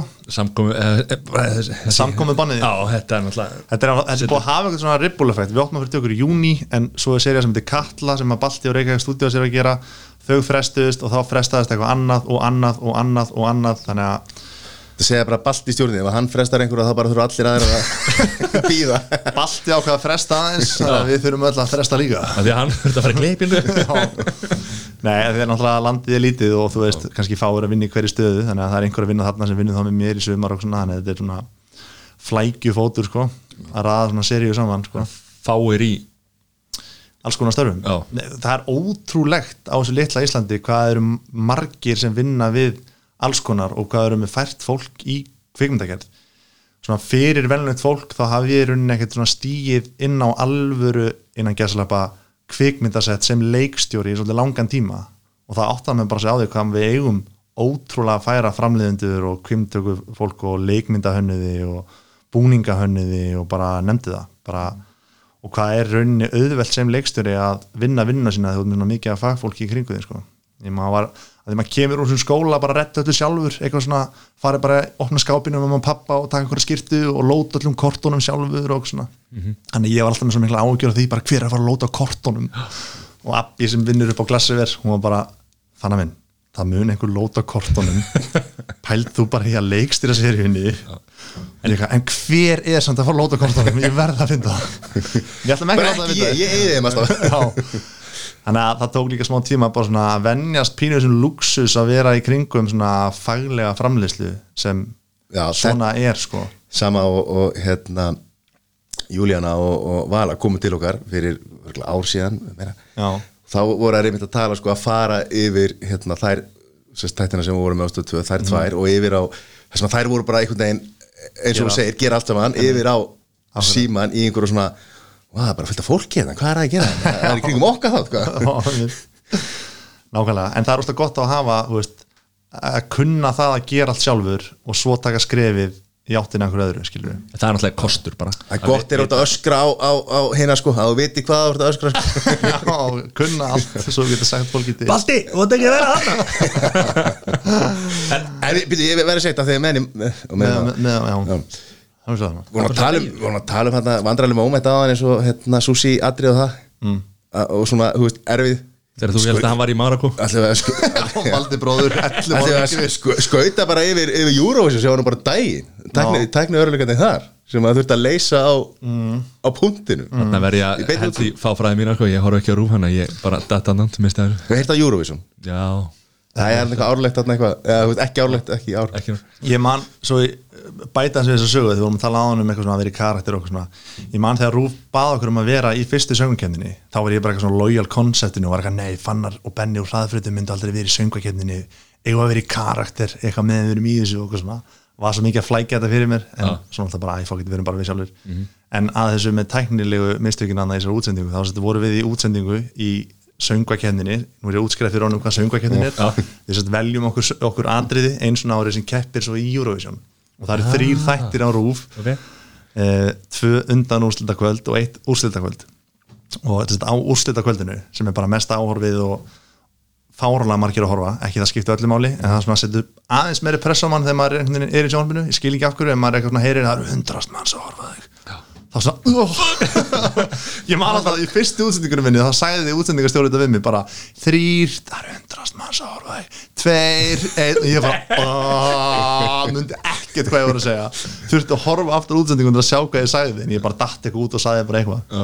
En svo læri maður að hætta pæli nema hvað sérst, í úrslita þættinum það er sérst, í úrslita þættinum sem er lögðarsöll þá er alltaf svona fjölskyldur rensli um daginn þar sem við rennum sérst, öllu sjóinu eins og það er í sjónvarpinu sem er bæði gert til þess að fleiri fá að sjá kennina og líka bara fyrir allt tækni fólkið og alla til þess að bara vera á tánum fyrir svo útsendingunum kvöldið. Og það fór bara allt úrskeiðis á þessu fjölskyldur rensli alls konar Q-klúður og tækniklúður og vesen og við þurftum þá að redda einhverju svona og bara tala við salin skilu þetta var bara svo að vera ársatíð, bara já það er smá tæknilegir örleikar en við höfum bara gaman að því. Benny, hvað er þú að segja, bla bla, vorum bara svona work the crowd skilu nema að þú getur það heila ekkert í beinni útsendingu. Þá ertu ekkert eitthvað með einhverja, einhverja svona crowdvinnu skilu, þá ertu bara að tala við kameruna. Og við vorum ekki að hlæja því eitthvað, djöðlar að fyndi þetta myndi gera svo í útsendingun eftir. Og þau bara, neini, það mun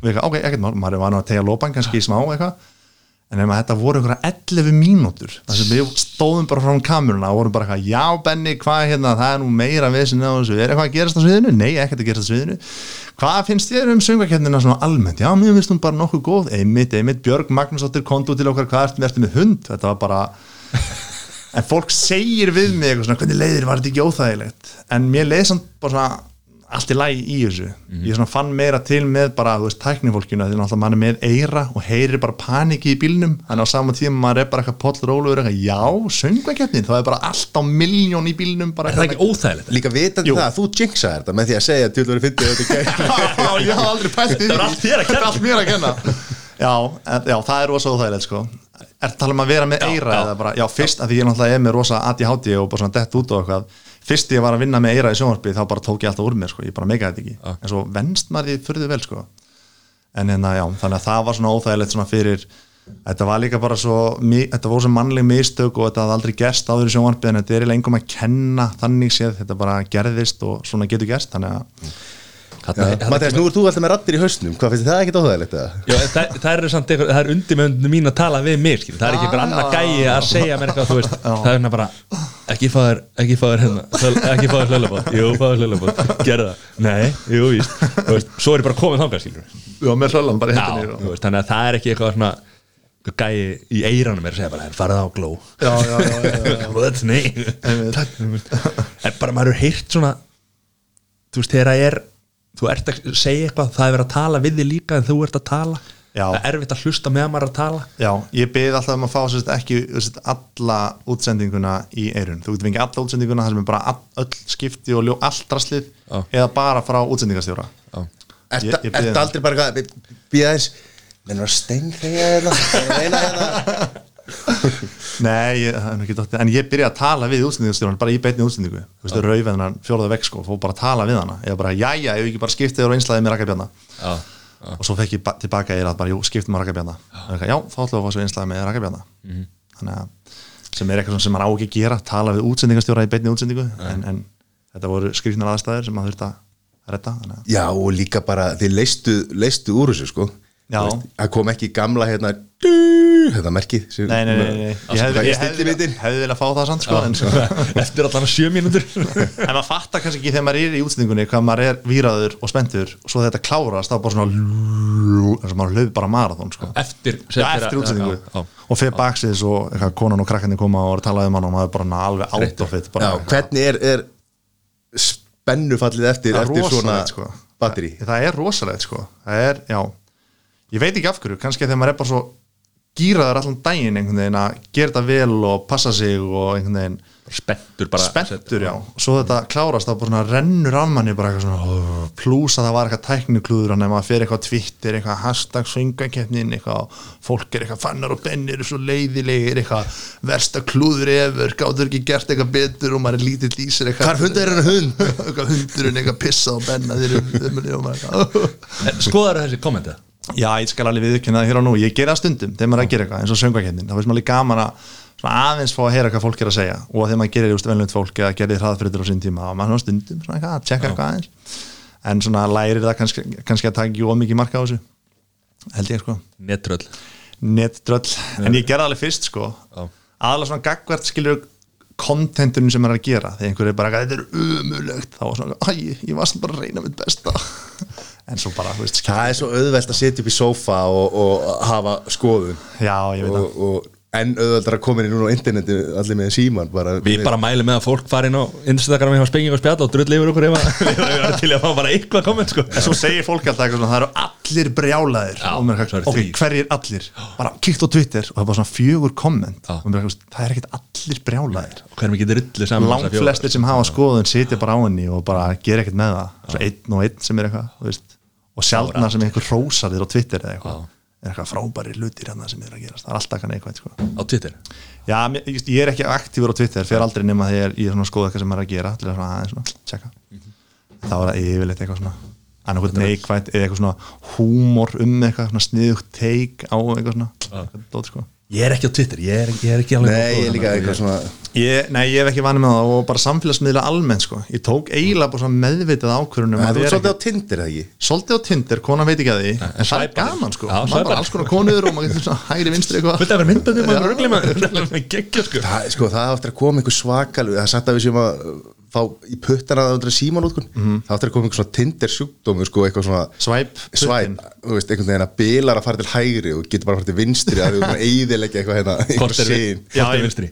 Ég veit það ekki. ég meina að lítil frænga mínum daginn tók bara upp bók um- og var að fléttinu svona svo iPad. Já. skildi ekkert að hverju blaðsutna breytist ekki það er bara svona hvað er að gera Dóttir sem feistum í sjónvarpið og heldur að sé snertiskjör sko. Veist, maður verður það gamall þegar maður er hann gamall að maður getur sagt bara ég man þegar var ekkert internet. Þú veist, pælið því.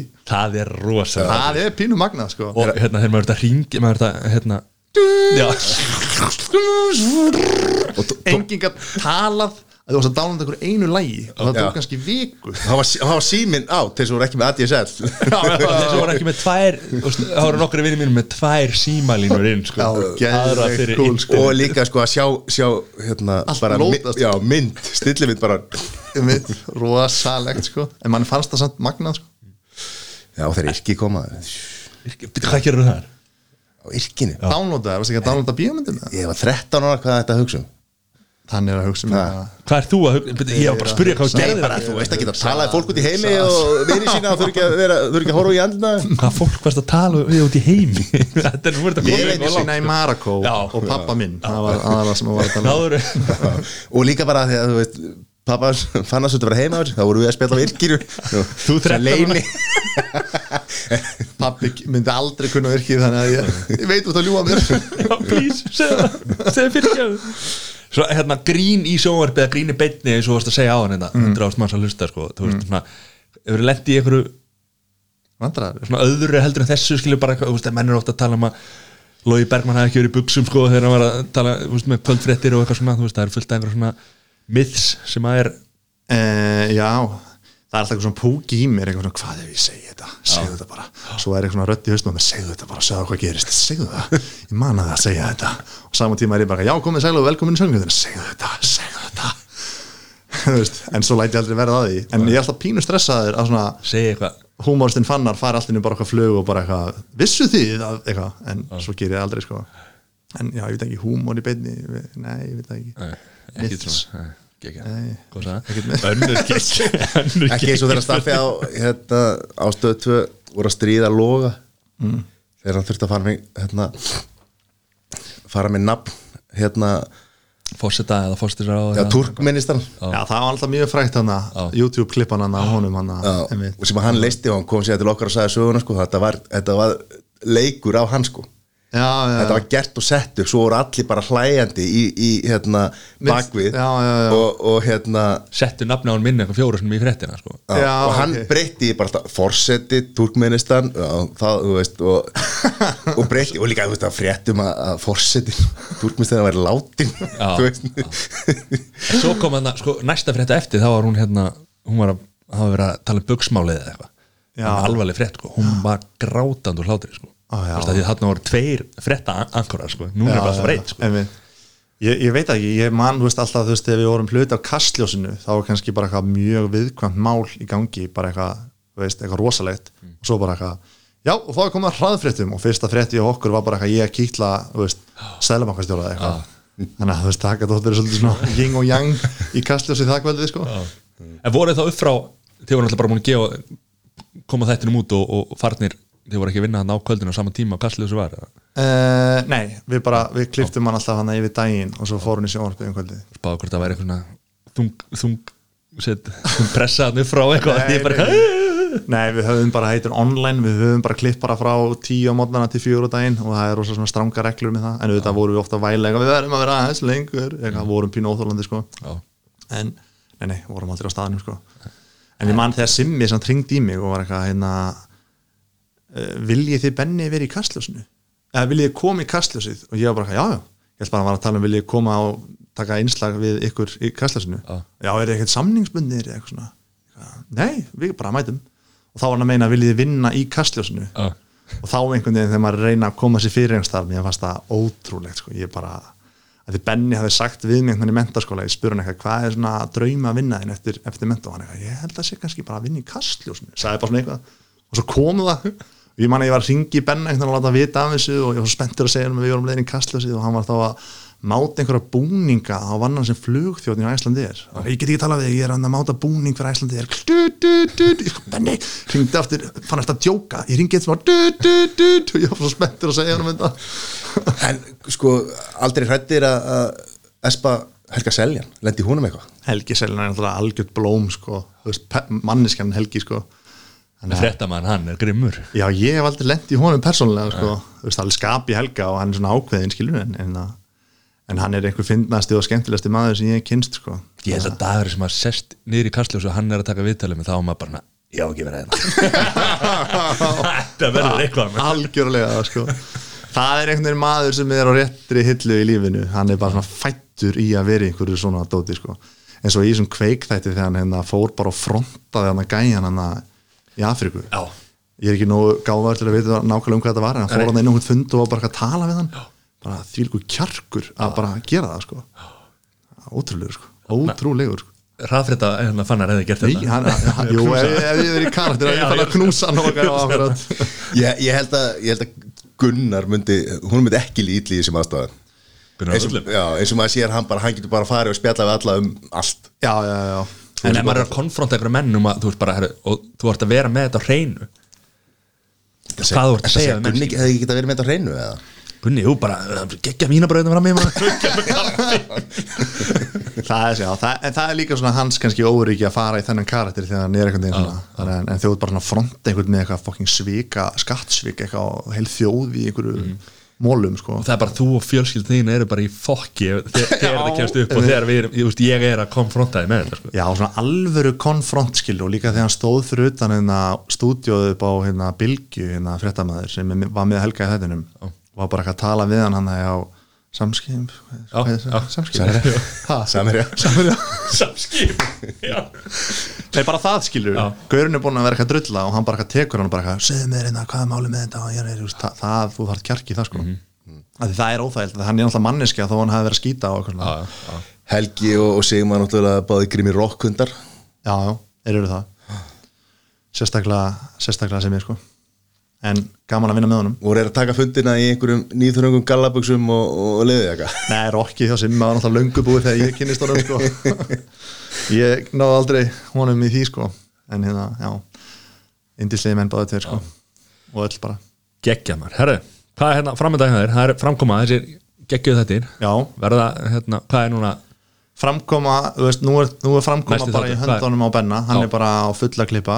Helst álafanum maður. Djöfisálag og hann er að gera upp íbúða saman tíma og það er barn á leiðinni Já. og ég er bara búið í nefið og horfa á Benna klippa. Já, og hann er að replacea loga? Hann er að lesi logi? Já, það er búið að segja þetta við hann í mörg ár sko, sem held ég hef vorið til að því að Logi var svona ongoing karakter í hraðfritum Vist, hann drap okkur þegar þættinni kláru en já, svo er ég, svo er ég að undirbúa nýja sjónserju fyrir stöð 2 sem heitir Sápa sem er hérna íslensk eh, sitcom eh, sitcom sápu grín serja já, með þeim hérna Jóhannesi Hauki, Kötlu Margreði og Aroni Móla í aðaliturkum og þetta fer í loftið 8. mæ ég hef ekki talað um það ennþá sko, Nei, en það er svona já. 13 á vísi þannig að þetta er ekkert Já. leynd og ennþá þetta er búið að vera svona í bíkjari smá tíma Mhm. það er skúp hérna Það er pínu, já þannig sé skúp, hvernig fer þetta í loftið? bara að eftir Er þetta núna í loftinu? Já, nei, nei, ok, já. ok þetta er lóttinu Þetta er í loftinu, og ert í beinni Nei, já, ég- Þannig að ég er að undirbúa það núna á miljón sko, Ok. og er að konsepta það og og Jóhannes Haugur í því Jóhannes Haukur er í því sko hann hefur nú sagt þarna þegar hann leik nú síðast í, í svona sitcom, Marteini Já.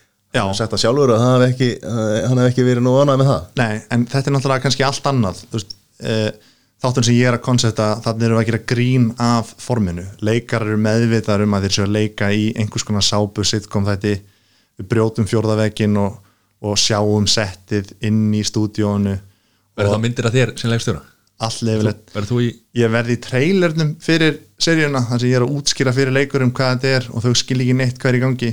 Og hérna þetta er svolítið flókið koncept en ég með, þetta svolítið skýrt í höstum á mér þannig að ég er bara býð spenntur að sína fólki þetta og hérna og Arnar Jónsson leikari verður sögumadur í þessum þáttum. Hann mun svona lesa inn kynningar í þessum þætti mun Jóhannes Haugur jari jari. En kíkjum á settið. Hér er sápa og svo byrja sápa sem er svona mörder mystery sitcom, sápu grín, dramaþáttur. Þetta hljómar Ok, margir þættir? ríkalega vel sko. er margir þættir? Herru, við ætlum að gera fjóra þætti þetta er svona, já, fjóra þætti núna út mæ við vorum bara á fundi og okkur langaði að gera eitthvað svona í þessu COVID ástandi það var svo erfitt bara að búti sjómar og þetta var einhver nálgun við ætlum að vera að byrjuð á þessu fyrr en það er að koma núna. Þannig að þetta verður líka svona pínu körrent við erum að taka fyrir, þú veist, svona þetta COVID ástand, þú veist, þau eru einangrun í þessari íbúð, sem sagt, Katla og Jói leika sem sagt, hérna hjón, Aron er nýfluttur í blokkina og hann fyrir ekki að tæla sem sagt, köttliður og sitt band og Jói eignast óslega mikið pening en það vinnur í lottónu og saman ákveða Aron Móla og Katla Margrét að drepa Jóhannes auk til að stela peningunum og fara til Bali. Þetta er svona söguþráðurinn Ok, í þáttunum. En söguþráðurinn skiptir ekki öllu máli af því að inn í þættina koma líka bara svona current andlit. Svipað vorum að gera hraðfréttum. Þannig að þú veist ef einhver er eitthvað ábyrjandi í vikunni þá kemur hann og er í þættinum segjum einhver karakter segjum bara að Bjarni Ben sé ábyrjandi hann er alltaf ábyrjandi en segjum bara hann. Þá kemur kannski hann og var að leika pizzasendil eða eitthvað og og ekkert mála að rikka þessu upp bara að því að nú er alltaf sagt að tekur tíma búið til sjóma Jú, þetta er, þetta, er, þetta er mjög kræfjandi sko, þannig að ég er bara núna 24-7 að skrifa og konsepta þú veist þetta varst handrit ekki segja rétt á hann að bóri nefi og, og meðan benni Jú, svo sagði djók og komin þetta Þannig að já, við erum að skrifa þetta núna á fullu og hérna ég fekk benna með mér inn í skrifin þannig að hann er líka að skrifa og hann á álæði sem ég var að nefna á hann. Já. og við erum að reyna að koma þessu loftið. Þetta e- e- e- þetta er svona þá smá friends eitthvað dæmi hana á baka þetta sko en samt ekki íbúar eitthvað Já, og, það, það er íbúð sem sagt, það, það er svona líkt og svo er þetta líka Sunday Night Já, nei, þetta er nefnilega ekki beinni þannig að við getum ekki kallað okkur það en jú, að eða vissu og svo geta leikarar dottið bara í eitthvað svona sápu element ef eitthvað dramatíst gerist, skilur og söguþráður er svona sápu söguþráður einfaldur og dramatískur og, Mhm. Þetta hljóma ríkalega vel sko. svo eru bara leikarar drefnir og þeim er kastað út og bara annar kemur inn og eitthvað svona, þannig að þetta verður svona en eitthvað er nú að borga Jóhannes Hugi laun í þetta. Ég er bara ekkert inn í því sko.